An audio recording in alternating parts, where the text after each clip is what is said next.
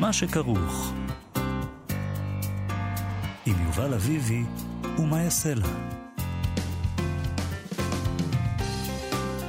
שלום, צהריים טובים, תודה שהצטרפתם אלינו למה שכרוך, מגזין הספרות היומי של כאן תרבות. איתנו באולפן נירה וקסלר ושרון לרנר.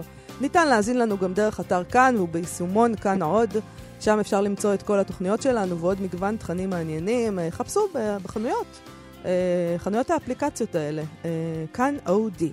כמו כן, אנחנו נציע לכם ונזמין אתכם לבקר בעמוד הפייסבוק שלנו, מה שכרוך עם יובל אביבי ומה יעשה לה. מעניין שאת מזכירה את היישומון שלנו כאן כן. עוד. למה? כל כך כי- מעניין? כי- אני- לא אני- כל יום אה, לא כל כל יום יום פורים. אנחנו מזכירים אותו, אבל רק אוקיי. היום אנחנו מעדכנים על שיבושים בקליטה אה. ברשת כאן תרבות, אוקיי. בתדר 104.9 אה, FM בחיפה. ובצפון, עקב תקלה במשדר. אנחנו מבטיחים לכם שצוות אה, נמצא בדרכו לטיפול בתקלה, זה יסתיים אה, בשעות הקרובות, אבל בינתיים ניתן להאזין לנו גם בתדרים 104.7, 105.1, 105.3, וכמובן, באתר כאן וביישומון כאן עוד, אה. שכפי שאמרת, הם נטולי אה, בעיות קליטה, נכון. אה, כל עוד יש לכם אה, אינטרנט חופשי, ותוכנית אה, 3G, פס רחב. 4G, אה, פס רחב, וכל הדברים האלה שאנשי ספרות אינם אוקיי, על מה מבינים נדבר בהם. היום, חוץ כן, מעניינים היום, טכניים מהסוג חוץ הזה? מענייני אה, תדרים, נדבר גם עם המשורר מרחב ישורון על ספרו החדש, הגולה תל אביב. יצא לאחרונה בהוצאה עצמית, אחרי פרויקט הדסטארט, כולל שירים שנכתבו בשנים האחרונות. אה, מאוד מעניין, ספר מאוד מאוד מעניין. נדבר גם עם עורך אירועי הספרות בבית ביאליק, יקיר בן משה. יש יום זיכרון. המשורר אה, יקיר בן משה. המשורר יקיר בן משה, משורר נכון? בפני עצמו, לא רק ביאליק היה לא משורר. רק ביאליק. הוא ביאליק, אה, אבל אה, מת לפני 84 שנים. נכון. מתקיימים שם מדי שנה יום זיכרון. אה, נדבר איתו על יום הזיכרון שיהיה השנה, נדבר על עוד דברים ככל שנספיק. אוקיי, אבל בוא, בוא נתחיל לדבר על טראמפ. כמובן. כי מה עוד יש, אתה יודע, טראמפ. אתה מכיר את האמרה, אני חושבת, נדמה לי שוולטר אמר, אבל מאזינינו יתקנו אותי אם אני טועה, שאלוהים צועד תמיד לצד הצבא המנצח. אה, אז הצבא המנצח הוא בסופו של דבר הצבא של טראמפ. אה, בהארץ הובא דיווח של סוכנות אה, AP, לפי העידן שבו נתפרסמו ספרים נגד טראמפ, ודיברנו על זה פה בתוכנית כמה פעמים, מהמם. על הדבר הזה, עומד להתחלף בכמה וכמה ספרים שיסבירו לנו כמה טראמפ נפלא בעצם. למי שעוד לא הבין עד עכשיו. נכון, בחודשים הקרובים לפחות שישה, שישה וואו. ספרי פרו-טראמפ יוצאים נגד חקירת קשרי הממשל לרוסיה, צפויים לצאת בקרוב. אה, הם נעים אה, מסיפורים מבפנים של בכירי הבית הלבן לשעבר, שון ספייסר ואנטוני סקרמוצ'י. שעל אנשים כמוהו אבא שלי היה אומר, אה, קודם כל שיחליף את השם. אה, שניהם אה, מגינים על הנשיא על אף תקופתם הסוערת בוושינגטון. לספרים שכתבו אורחים קבועים בפוקס ניוז כמובן, שפוקס ניוז יודעים לבחור את האורחים שלהם בקפידה. היטב, כן. השופטת לשעבר והפרשנית ג'נין פירו, הסנגור המפורסם, הידוע לכולנו, ידיד ישראל אלן דרשוביץ, ועוד. ועוד ועוד, כמו שאומרים. אוקיי. כמה מהספרים הללו משמשים כלי במתקפה של הנשיא נגד החקירה של החוקר המיוחד, רוברט מולר, על קשריו של אה, קמפיין טראמפ לרוסיה.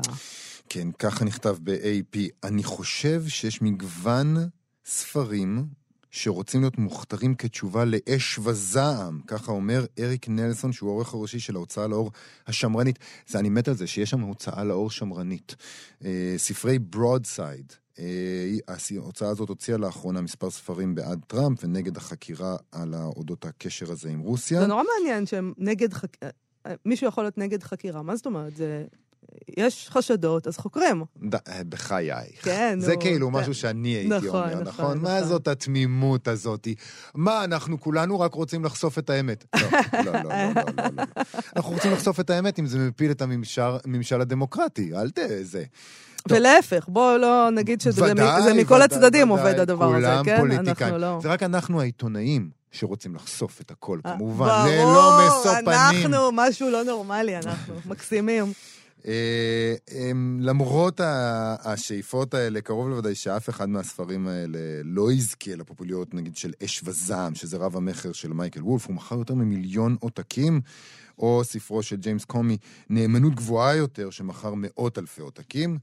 אה, קומי, שהוא היה ראש ה-FBI, טראמפ פיטר אותו בשנה שעברה, והוא תיאר את הנשיא כלא אתי, משוחרר מהאמת ומערכים מוסדיים. שזה הגדרה נהדרת. נכון. הבן אדם חופשי.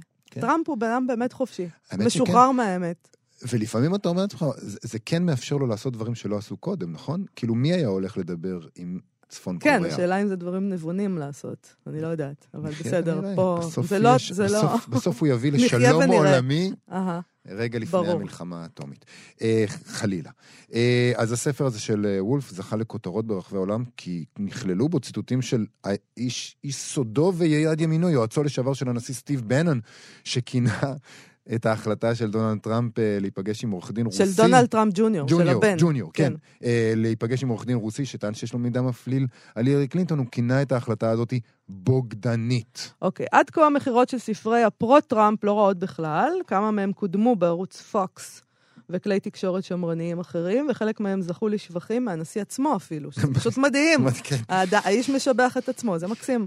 Uh, לפי מאגר מידע שמתעד כ-85% ממכירות הדפוס, הספר, אה, תנו לטראמפ להיות טראמפ, מכר יותר מ-100 אלף עותקים, מאז, מאז שיצא לאור בדצמבר.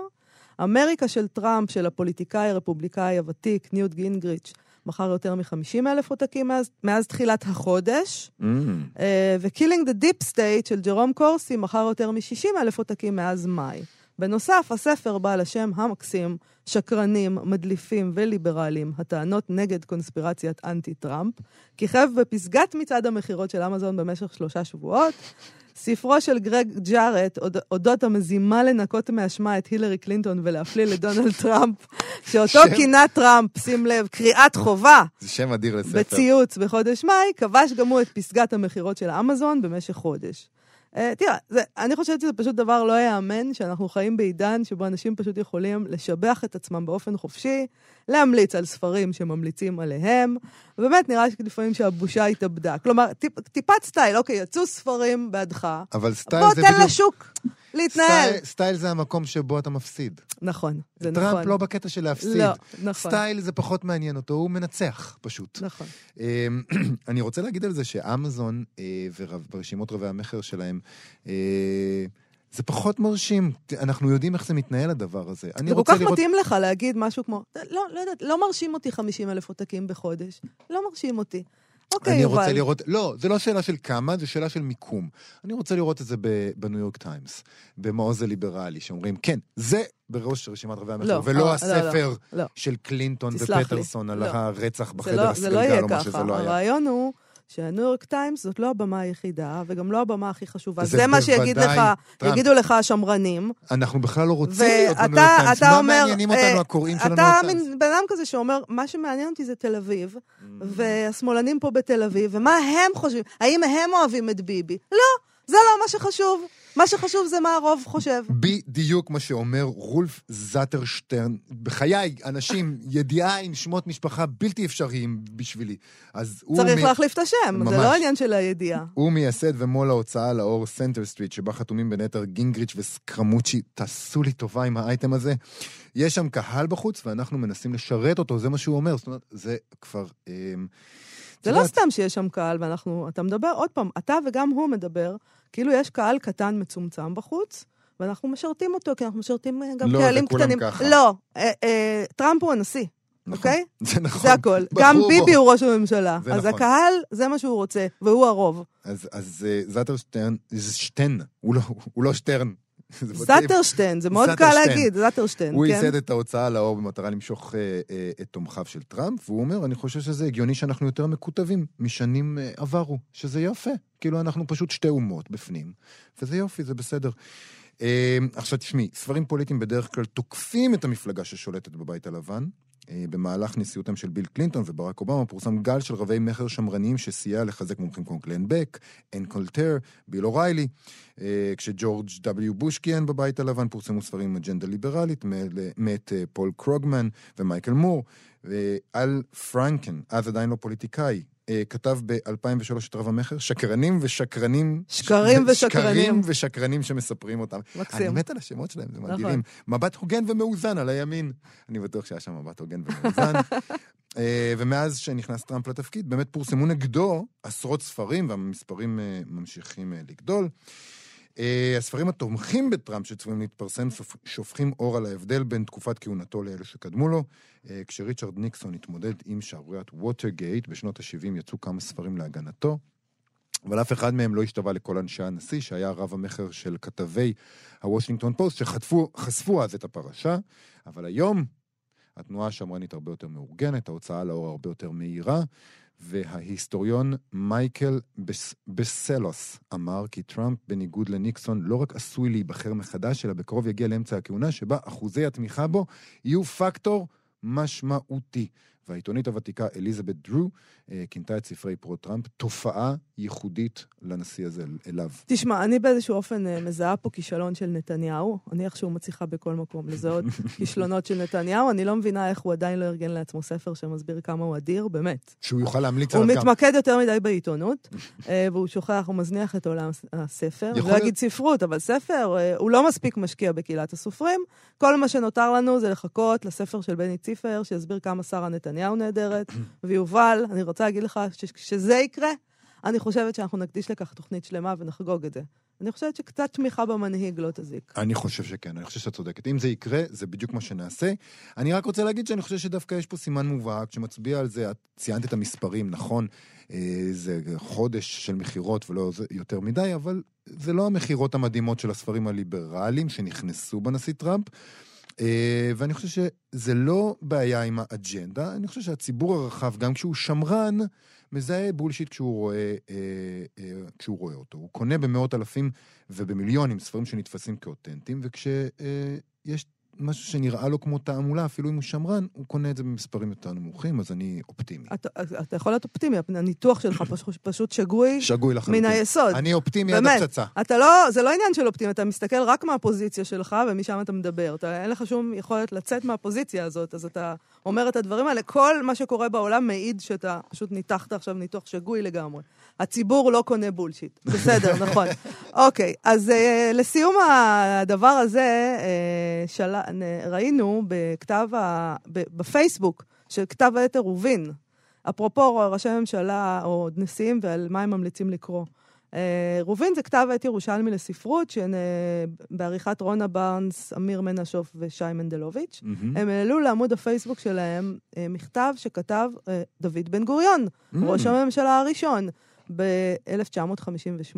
הוא, הוא עונה לכתב ה-Associated Press, כן, AP. AP, התשובה, ידיעה. אה, אנחנו לא יודעים מה השאלות שנשאלו, אבל אפשר להסיק מזה. אני, אני אקריא קצת. אה, הנה התשובה, כותב בן גוריון, לארבע השאלות שהצבת לי. אחד, בנעוריי התרשמתי ביותר מהספרים הבאים: התנ"ך, סיפור אהבת ציון של א' מפו, סיפור אוהל הדוד תום, סיפורי טולסטוי אה, וסוקרטס. אה, האפולוגיה של סוקרטס כתובה על ידי אפ- אפלטון. שתיים, ספר התנ"ך השפיע על כל דרכיי בחיים.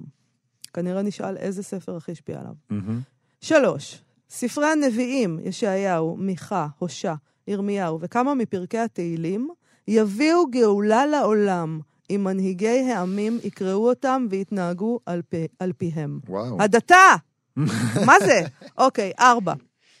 לדעתי, לא טוב לקרוא הרבה ספרים, אלא מוטב לקרוא הרבה פעמים ספרים מובחרים, כגון התנ"ך, אפלטון, טוקידידס, אה, קונפוציוס, אה, בודה, אני מצטערת, הפונטים פשוט קטנים, אה, הגיגי מרקוס אורליוס, דברי, כתבי שפינוזה, מחזות סופוקלס, שייקספיר ומולייר, היצירה הגדולה של סרוונטס, דון קיחוטה, ושלושה או ארבעה מסופרי הדורות האחרונים. בכבוד רב, דוד בן גוריון. הנה בן אדם שלא המליץ על הספרים שמאדירים את שמו. הוא המליץ על, על שייקספיר. נכון. למה- על התנ"ך. למה- עזוב אותך, הוא המליץ התנ"ך. על התנ"ך. אני חושב שגם טראמפ יכול להמליץ על התנ"ך.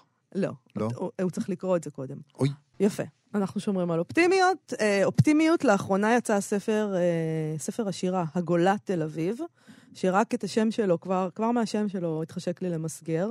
אה, וגם העטיפה, הכריכה מהממת. נכון. אה, ספר של המשורר מרחב ישורון. אה, כל הדבר הזה קרה אחרי קמפיין Head Start ויצא בהוצאה עצמית. הספר כולל שירים שהוא כתב בשנים 2009 עד 2017. מרחב ישורון הוא משורר והוא גם כותב דוקטורט באוניברסיטת בר אילן, שבפני עצמו נשמע לי מעניין הדוקטורט הזה, אולי נדבר על זה. אה, הוא כבר הוציא ספרים, אה, ספר שעיר ב-2015, מדריך לנוגעים בשם העצם ב-2013. אדם מצטלם בכתב ב-2011, אנחנו הולכים אחורה בזמן. אה, וישורון על קוטב העיזבון ב-2007. שלום למרחב ישורון. שלום רב. אה, מרחב ישורון, אה, כשנולדת, אז אימא שלך נתנה לך שם של משורר, אני מבינה, פשוט היא החליטה. כן. היא החליטה עבורך, מה הולך לקרות? אי אפשר משהו אחר. מה תהיה עם השם הזה? אולי טייס קרב. אה, לא, לא, לא. לא, זה יותר מדי אה, טייס קרב זה פואטי, כזה מרחב. אה, גד. שחק. זה לא- לא בדיוק, אה, לא בדיוק שמה. מרחב, אולי נתחיל אה, בקריאה של שיר שלך? אם אתה מוכן להקריא לנו משהו? לקרוא לנו משהו? כן, כן, כן. בבקשה. המפלץ, היום התחת, גח מתוך חשכת הבור. פניו פני קרקעית הים, שגל צונאמי הקיא בחול. עיסת בשר, טרוף חטאת וגלד גרד, ואף בולבוס תלוי רוטט, ואף קדמון טבע חי, זה הקרטופל, צועק שדיים דם, צוחק לאור. הוא לא רגיל בפני השטח, ממצמץ, שולח אצבע מוציא עין. כולו גרוי, כל דבר מתגרה בו, תחת שמש, שמש תחת הבשר מגרד בו. הקרטופל בוער אשתופל, אור אדום מתקלף, הפה הוא פצע מטרטר, חופר בוז נוטף, ויוצא לאור צל מוות. כוש מצרים, פוט וכנען, ביני ובינכם, מה זו ארץ? בור של קבר בארבע מאות שקל כסף. אתם מבינים אותי? קונים את הבור כדי לקבור בו את הכסף, כדי שיצבור בו את הערך, כדי לשלם בו על הבור. אתם מבינים אותי? אחרי כל הזבל שדפקו לכם לראש, בואו לא נשכח מי דפק את מי. קימו תלעבובו השפ, אומר תגלת פיל עשר הראשון. סרגון השני, משתין על חורבות קרקר ואומר תימנשו השומה, קימו תלעבובו השומי. תלעבובו, אל תטעו, זאת תל אביב. הרס מוחלט, תולדות המבול.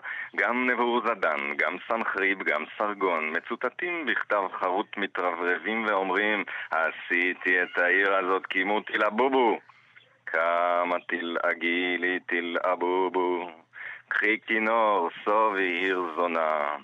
נביות וקדר, עבדאל ומבשם, משמע ודומה, חדד ותימה. מי לא עבר בפתח הזה? זה ספר שעיר וזה שער השקל. אתם מבינים אותי? החור תמיד כבר ער. השאלה בכל רגע מי מנשל את מי, את מי בולעת הלשון, כמה עולה חור בעיר, כמה עולה פער הפה, מה תמורת מה, מי בעל הבית פה, מי בעל הלשון.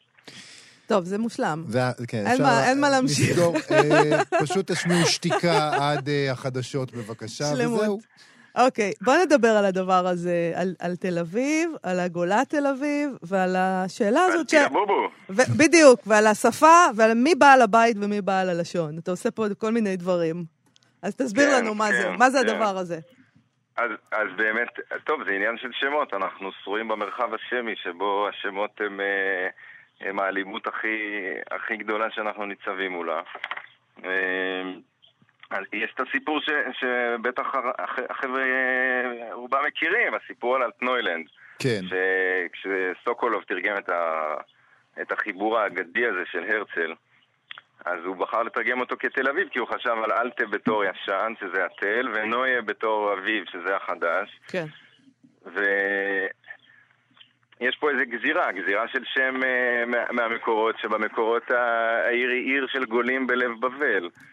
ו- ונוטלים את השם הזה מתוך עיר גולים בבבל ו- ומנחיתים אותו על העיר העברית הראשונה. זה מעשה חזק בלשון שיש לו השלכות שאנחנו אה, אולי מרגישים את חלקן. אבל, אבל השם, אה, השם הזה מקפל בתוכו עוד שם, כי הרי הוא נלקח מבבל, וזה טילבובו. ש, ש... שזה השם הקדום, טילה בובו. טילבובו, כן. שטילבובו זה, הבובו זה המבול, זה המבול שנמצא במיתוס הבבלי והוא נמצא גם ב... זאת אומרת, בגלל שזה אה, המבול, אה, מה שמייצר זה חורבן, אז, אה, אז אחר כך אה, זה הופך לכינוי לחורבן, ואז באמת המלכים האלה, הם, הם, הם מחריבים ערים והם אומרים, "אה, אנחנו עשינו את העיר הזאת כמו תל הבובו. אז בעצם כשקבעו לנו את השם הזה, ייעדו אותנו להיות עיר של חוטאים שהסוף שלה רב אמר. חורבן. רב אמר. סוף חורבן. ואנחנו עושים את זה טוב, אנחנו באמת עושים את זה. אבל אתם יודעים, הגולה זה, זה, זה גלגל, זה התגלות, זה גאולה, כאילו יש פה, יש פה איזו תנו, אה, תנופה של השמות שאנחנו... עוד לא, אולי עוד לא מאוחר לתקן. תגיד, אה, יש ממש, זה נורא מעניין אצלך בשירים, אתה כותב על תל אביב של עכשיו, אבל אתה הופך אותו למיתולוגיה תנכית. אה, הערבוב הזה של, של פינות הרחוב עם, אה, עם AM/PM, ומצד שני השפה התנ"כית הזאת, הערבוב הזה של האז ועכשיו. כן, הבננה באמפם, בטח. בננה באמפם, בדיוק. מה, בננה צהובה כזאת? אה, עם, עם דבש, עם עם דבש. דבש. לא, זה לא עם רק- דבש. זה לא רקוב, זה דבש. כן. היה, תקופה שכל יום הייתי קם בבוקר וקונה בננה באמפם. אה. בננה אחת. אבל, אבל אה, למה, לא היה לך כן, בבית מקום... רגע, כי- לא היה לך בבית מקום לאחסן בננות, או... לא, זה היה טקס כזה, אה. לא, לא היה לי, זה היה בעצם רגע שגם לא הייתה לי דירה, הגעתי אצל חבר, וזה היה לי בן גבירול, וכדי להתמקם הייתי עושה את זה, זה היה מין טיול בוקר כזה, שזה היה, זה היה פולחן שהייתי, שהייתי מבצע, לרכוש את ה... לעמוד בתור עם למשוררים- בננה אחת. איך למשוררים תמיד יש איזה פרק בהיסטוריה האישית שלהם שלא הייתה להם דירה, זה לא והם רק גרו על למשוררים, הספה אצל אה, החבר. יובל. להרבה אנשים זה קורה. כן. אתה פשוט לא נתקלת כנראה נתקלתי. בתופעה. אני רוצה לשאול אותך, מרחב, אני רואה שאתה כותב דוקטורט על הפואטיקה של מורה נבוכים, אה, של הרמב"ם, ויש קשר בין העיסוק שלך בטקסטים האלה לבין מה שקורה בסוף בשירה, נכון? כאילו... לגמרי, גם צריך לזכור, יחזקאל כאילו הנביא של הגולה תל אביב, זה גם הנביא של הציונות וזה גם הנביא המרכזי של הרמב"ם, כי... כי ההתגלות הזאת, המוזרה שהוא רואה שם, אה, ההתגלות הכי סוריאליסטית של האל במעשה מרכבה, עם כל השמות האלה, אתם זוכרים את זה עם החיות שהולכות ובאות, זה המפתח. זה, זה, זה המפתח הלשוני שהרמב"ם חופר עליו במורה נבוכים, כי הוא לוקח מילה מילה וחופר עליה אה, כמו, כמו חיפוש גוגל, רק שהרשת שלו זה המקרא, והוא עובר בין השמות ומראה איך הם אה, משחקים אחד עם השני ומייצרים משמעויות ב, בעבודה אינטרטקסטואלית כזאת. כן. תגיד, ההקראה שלך הייתה מאוד מאוד דרמטית, וזה היה מאוד שונה אה, לשמוע אותך מקריא, מאשר אה, לקרוא נכון, אתה צריך להוציא את לבד. הספר הזה. בשמע.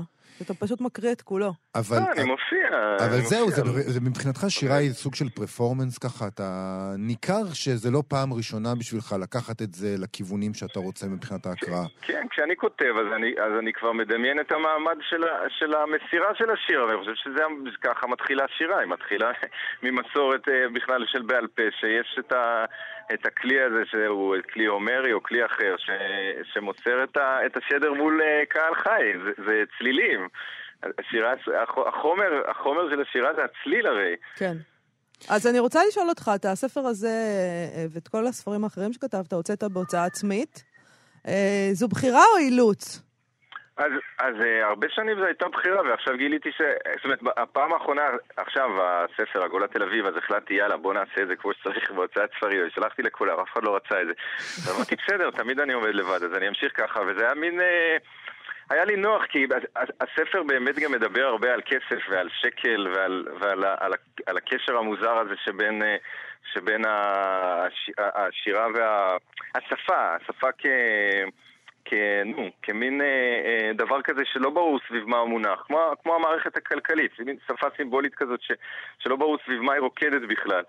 אז, אז בעצם עשיתי אדסטארט ואמרתי, יש לי מוצר, קוראים לו אגולת תל אביב, ואני עושה לו פרסומות, הפרסומות זה, זה, ה- זה השירים שאני מצלם ומקליט. אה, כאילו עבדתי לגמרי לתוך, אה, לתוך הרעיון הזה של בוא נראה איך השירה והכסף ממשיכים להתגלגל ביחד. אז בואו נסיים עם הקראת שיר נוסף. בוא. יאללה, בוא. טוב, אז אני אודה לכם, ואני רק אגיד שביום אה, ראשון הבא אנחנו, נהיה כמה חברים בגלריה ברבור בירושלים אה, בשמונה נכון, בערב. השקה.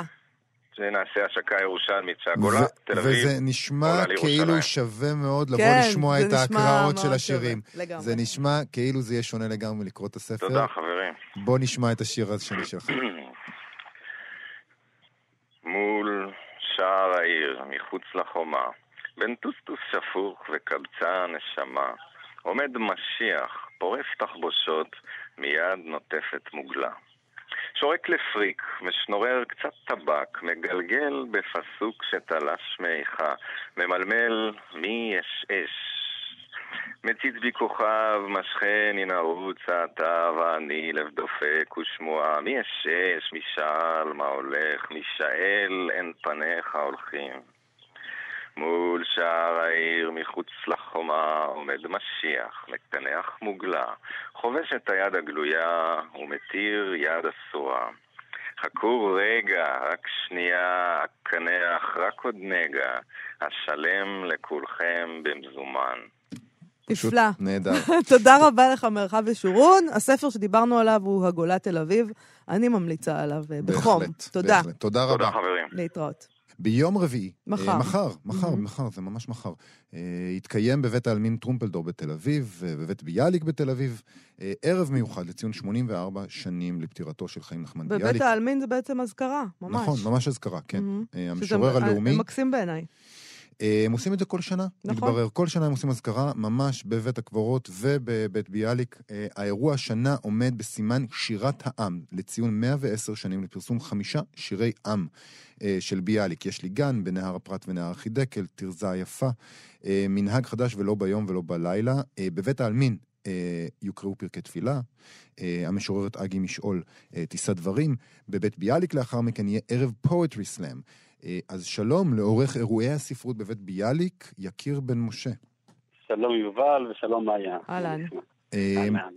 תחילה השאלה, למה, למה להפריד את האירוע לשני אתרים? למה ללכת לבית הקברות, אחרי זה ללכת לבית ביאליק? מה, מה, מה, מה קורה שם? אנחנו לרוב מפרידים. אה, בית העלמין זה באמת טקס, טקס דתי, אבל גם ספרותי, שבו החזן נושא תפילה, קדיש, מלא רחמים, ותמיד אנחנו מזמינים איש ספרות או איש רוח לשאת דברים על יצירתו של ביאליק בזווית אישית. והשנה החלטנו באמת להזמין אה, את המשוררת הנפלאה, הנפלאה אגי משעול. ואז עוברים לבית ביאליק. בית ביאליק זה לרוב אירוע עם יותר מקומות ישיבה, ו...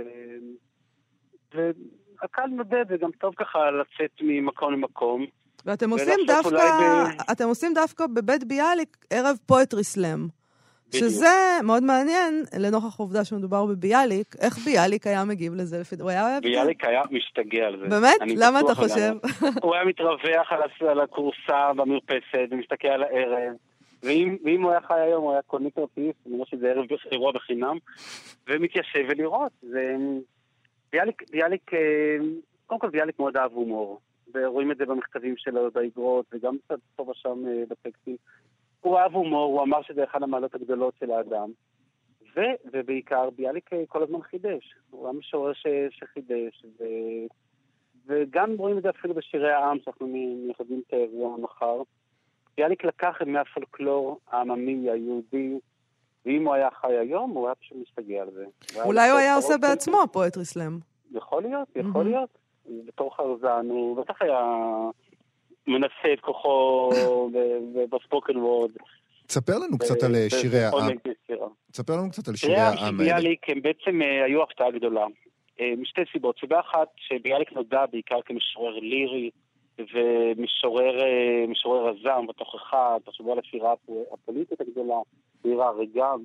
כן. ו- ופתאום הוא מוציא את שירי העם, שזה נותן פן אחר, אה, פחות אישי, למרות שזה גם עושה הוא בעצם מכניס דברים אישיים מהשירה שלו. והסיבה השנייה, שהשירים האלה פורסמו ב-1908, זו הייתה אחת השנים- השנים המלנכוליות ביותר, העגומות ביותר מבחינה פואטית של ביאליק.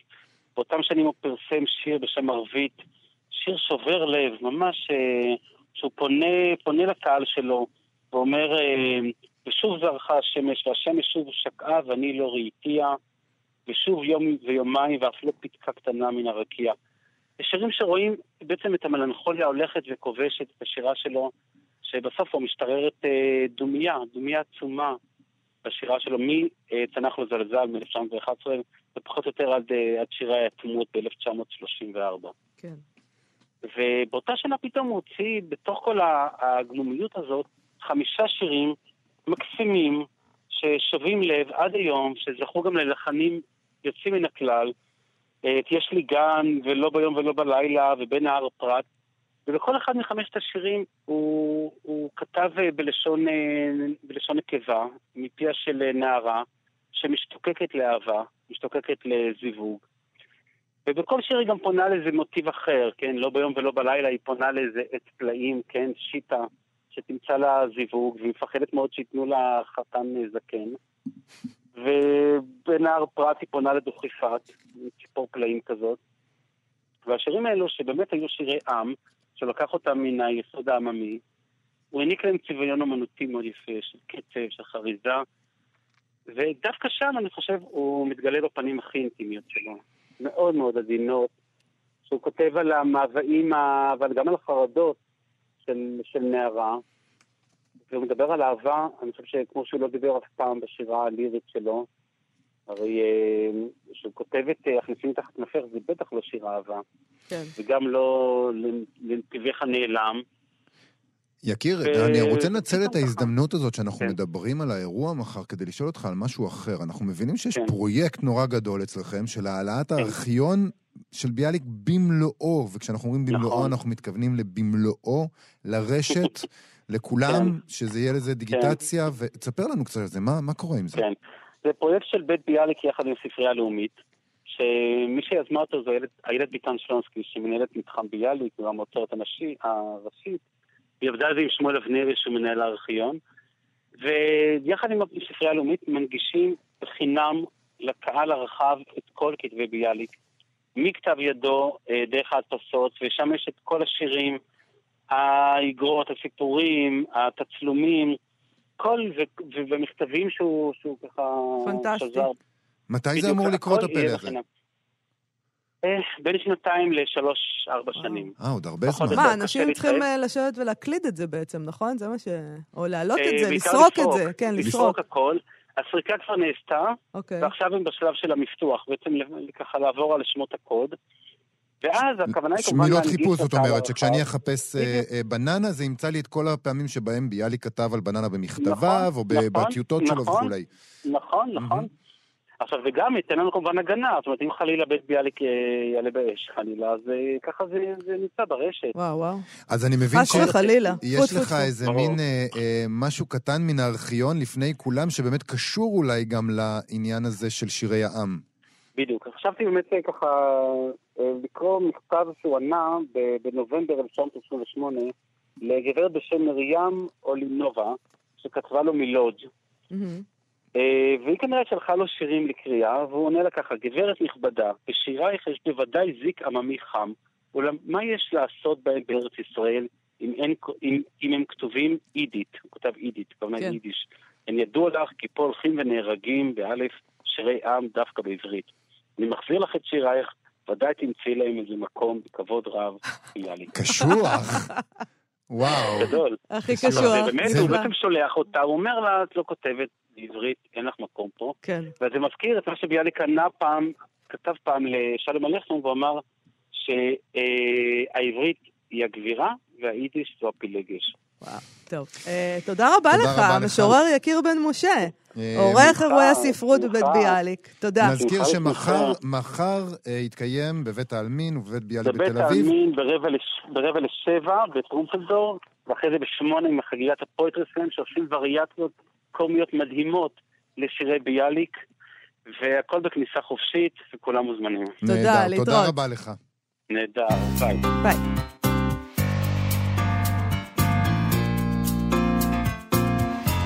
טוב, יש לנו פינת אה, סטטוס יומי, שבה אני רוצה להקריא משהו שכתב בפייסבוק אלעד ברנוי, אה, עיתונאי ומבקר ספרות, שכותב במדור הספרות של שבעה לילות בידיעות אחרונות.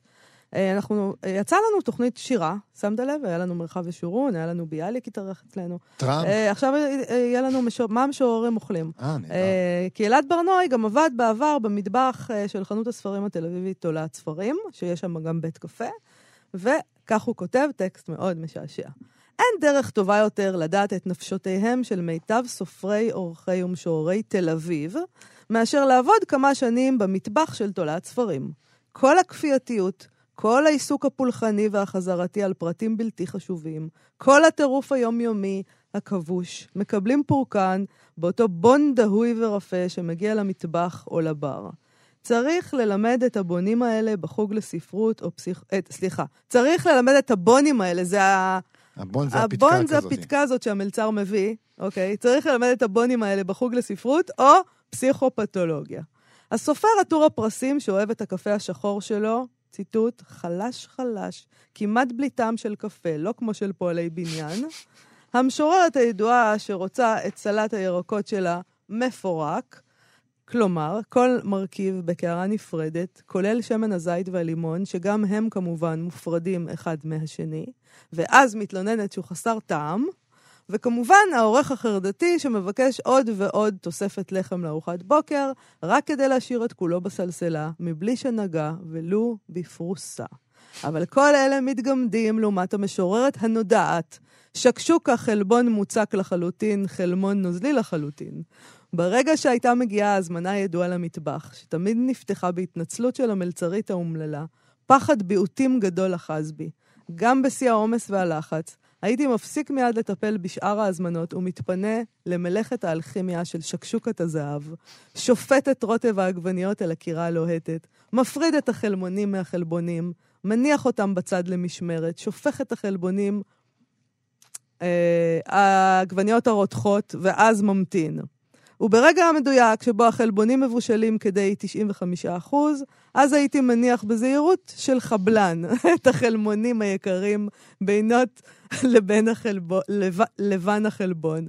מאפשר להם להתחמם מעט, אבל חלילה לא להתקשות, עד כדי שלמות שקשוקית מהמעלה הראשונה. קצת פטרוזיליה מלמעלה, ואמריקה. יום אחד היא הפסיקה להגיע. אולי מצאה שקשוקה טובה יותר, אולי נמאס לה משקשוקה בכלל. אני כבר מזמן לא עובד בתולעת, אבל עד היום, בכל פעם שאני מכין שקשוקה בבית, אני חושב עליה. אמנם היא לא יוצאת מדויקת כמו שלה, כנראה כי חסר בה את המרכיב החשוב ביותר, אימה. אבל בזמן שהביצים מתבשלות להן, חלבון וחלמון, יחד בשוויון ואחווה, אני תמיד קורא להם משיריה, ומקווה שמעט מרוחה ידבק בהם. טוב, כמובן שכל מה שצריך להגיד עכשיו זה, אלעד, תעשה לי שקשוקה. אלעד, תכתוב ספרות. ממש זה מה שיש ככה. להגיד לו. אני תמיד תמה ככה, האם אנשים שהגיעו למעמד מסוים בתחום העיסוק שלנו, חושבים שהם חייבים לאמץ לעצמם איזה ביטוי חיצוני של מוזרות פנימית כזאת. להפגין באמצעות הקפה את הייחוד כיוצר. כאילו אם אתה סתם שותה קפה, אתה לא יכול להיות יוצר טוב באמת. המחשבה שלך לא מספיק אה, יוצאת דופן. אה, זה בעצם מין אימוץ ככה של התפיסה שיוצר גאון חייב להיות קצת מטורף. אה, בעוד שכנראה, או לפחות לדעתי, יוצר גאון צריך בעיקר לעבוד קשה, ולהיות מסור לעבודה שלו. טוב, אני כמובן לא מסכימה איתך, אני חושבת שאף אחד לא מאמץ אה, ביטוי חיצוני של מוזרות, לא יוצרים ולא לא יוצרים. בני האדם הם פשוט חיות מוזרות, אפילו אתה. Mm. למען האמת, לעתים אני חושבת שאתה האדם המשונה ביותר שפגשתי מימי חיי. באמת. אז אני אקח את זה כמחמאה כאילו- לאור הפוסט של אה, אלעד. אני חושבת שאתה צריך אה, טיפה לראות את החיים בצורה יותר הומוריסטית. בוודאי. אוקיי.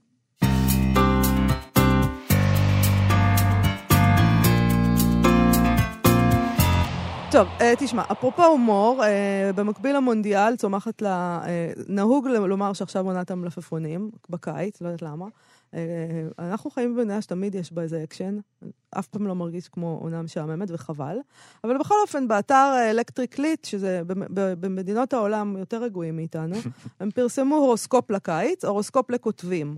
עם הכוונה ועצות, זה מסוג הדברים שאני תמיד מתחילה לקרוא כדי להשתעשע, ואז, לפחות במקרה הזה, מתאכזבת, על פי רוב, ככה. אה, כי אין שם מעוף או הומור. זה נראה כאילו, אתה כתבת את זה. אה, הנה כמה דוגמאות למה שהם כותבים בעניין. כן. למשל, מזל גדי, שזה המזל שלי, ואני כמובן מתעסקת בעיקר בעצמי, זה מה שהם כותבים. אה, אתם ידועים כאנשים שכל מה שמעניין אותם זה כסף, אבל בקיץ הזה יודגש האופן שבו אתם משתמשים באנרגיות האלה בחייכם. תזכרו שבסופו של דבר כסף הוא רק משאב, אנרגיה שמאפשרת לכם לעשות דברים אחרים. כתיבה היא עסק, אבל היא לא רק עסק. האם אתם לוקחים על עצמכם פרויקטים של כתיבה שאתם נהנים מהם ותורמים ערכים נוספים לחייכם? ערכים. זה, זה נכון? זה נכון?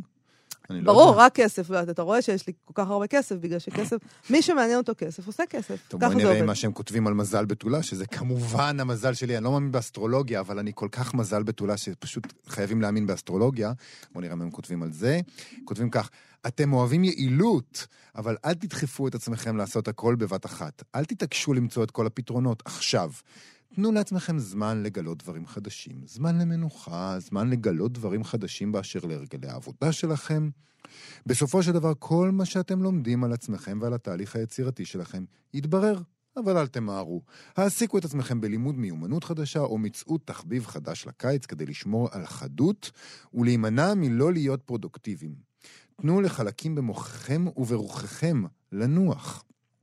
אני לא יודעת. אני, אני אוהבת מאוד שעשועונים, והורוסקופ זה גם שעשוע בעיניי, אבל אני באמת ציפיתי מהם ליותר מעוף. זה כן. דברים חסרי שחר. אני חושבת. יש להם גם כל מיני משימות דמיון מודרך ועצות מעשיות, כמו מתוך uh, סדנאות העצמה. למשל, למזל אריה, הם כותבים, אם היה מובטח לכם uh, קהל מעריץ לפרויקט הכי משונה, פראי ויקר שלכם, איזה פרויקט זה היה? השמיים הם הגבול. או למזל סרטן הם כותבים, על מה אתם הכי צריכים ועל מה הכי מגיע לכם לקבל קרדיט בעבודה שלכם. תכתבו על זה מזווית הראייה של האדם שהכי מניע אתכם. בני מזל סרטן, אתם ידועים כאנשים שתומכים באחרים, אבל לפעמים אתם צריכים להריע לעצמכם. בקיץ הזה תתכוננו, התכוננו לכך שהזרקור יהיה עליכם. להריע לעצמכם. זה קל, כי אנשים תמיד מוכנים להריע לעצמם. אה, אותי ההורוסקופ הזה כאמור אכזב, ואני הייתי מצפה שיגידו דברים יותר קונקרטיים לסופרים. נגיד משהו כזה. בני מזל גדי, אתם ידועים כאנשים שכל מה שמעניין אותם זה כסף, אבל נסו לשנות את כיוון המחשבה ולא לעסוק כל הזמן בשורה התחתונה. תנסו לכתוב טקסט שאין בו עלילה סוחפת, רבת פיתולים, עם סוף סגור. כתבו טקסט מהורהר בקיץ הזה, על הלכי הנפש, שאין בו שום מסקנה גורפת. קראו פרוסט בקיץ הזה. אה? כזה, זה מה שהייתי מצפה מהם. או נכון. לבני מזל בתולה, לך. כן, לי, תגידי לי מה בבקשה. לעשות בבקשה, כי איני יודע. אתם אוהבים יעילות, אבל אל תדחפו את עצמכם לעשות הכל בבת אחת. תבינו נא, לא תוכלו גם לכתוב רומן, גם ספר סיפורים קצרים, וגם פוסט מרגש בפייסבוק בכל ערב, כי התמכרתם ללייקים. תצטרכו לבחור בקיץ הזה האם אתם סופרים רציניים. ואם תבחרו להיות כאלה בהנחה שיש לכם הכישרון, הרי לא הכל בחירה שלנו, צריך גם כישרון, צאו מהפייסבוק ומהאינסטגרם, והפסיקו לצפות ללייקים, כאילו יש בכל זה משמעות. אה, אהבת היעילות הזאת, כפי שהיא באה לביטוי אצלכם, היא ריקה מתוכן, השתנו מיד. תשמעי, אני בתור מזל בתולה, אני חייב להגיד לך שיש את האהבת uh, יעילות הזאת, אבל איכשהו היא באה אצלי גם עם עצלנות מאוד גדולה. אז אני לא יודע מה לעשות עם זה. אני מרגיש שאהבת היעילות הזאת, שהיא ריקה מתוכן, היא באמת ריקה מתוכן. אני חייבת לומר לך שאנחנו uh, לא באמת פינת ייעוץ. 아, לא? כן אתה תצטרך למצוא אסטרולוגית אחרת, כי זה לא באמת לא, המקצוע שלי. מאיה, בבקשה, תהיי האסטרולוגית שלי, זה נשמע טוב. אינני מעוניינת. תודה רבה. את יכולה להיות הקואוצ'רית שלי אז? לא. אוי ואבוי. אה, באשר עבדתי, עבדתי. וגם אנחנו צריכים לסיים, למרבה המזל, אז אה, אי אפשר יותר להמשיך לדבר על כן. הנושא הזה. אז אה, מה כן, נעשה? נכון, נזכיר לכם להוריד את כן. האפליקציה כאן עוד. אה, עם כל התוכניות שלנו ועוד אה, מגוון של תכנים מעניינים, אה, חפשו כאן אודי בחנויות האפליקציות. וגם נזכיר לכם להיכנס לעמוד הפייסבוק שלנו, מה שכרוך עם יובל אביבי ומאיה סלע. אתם אגב יכולים גם לשלוח לנו שם הודעות.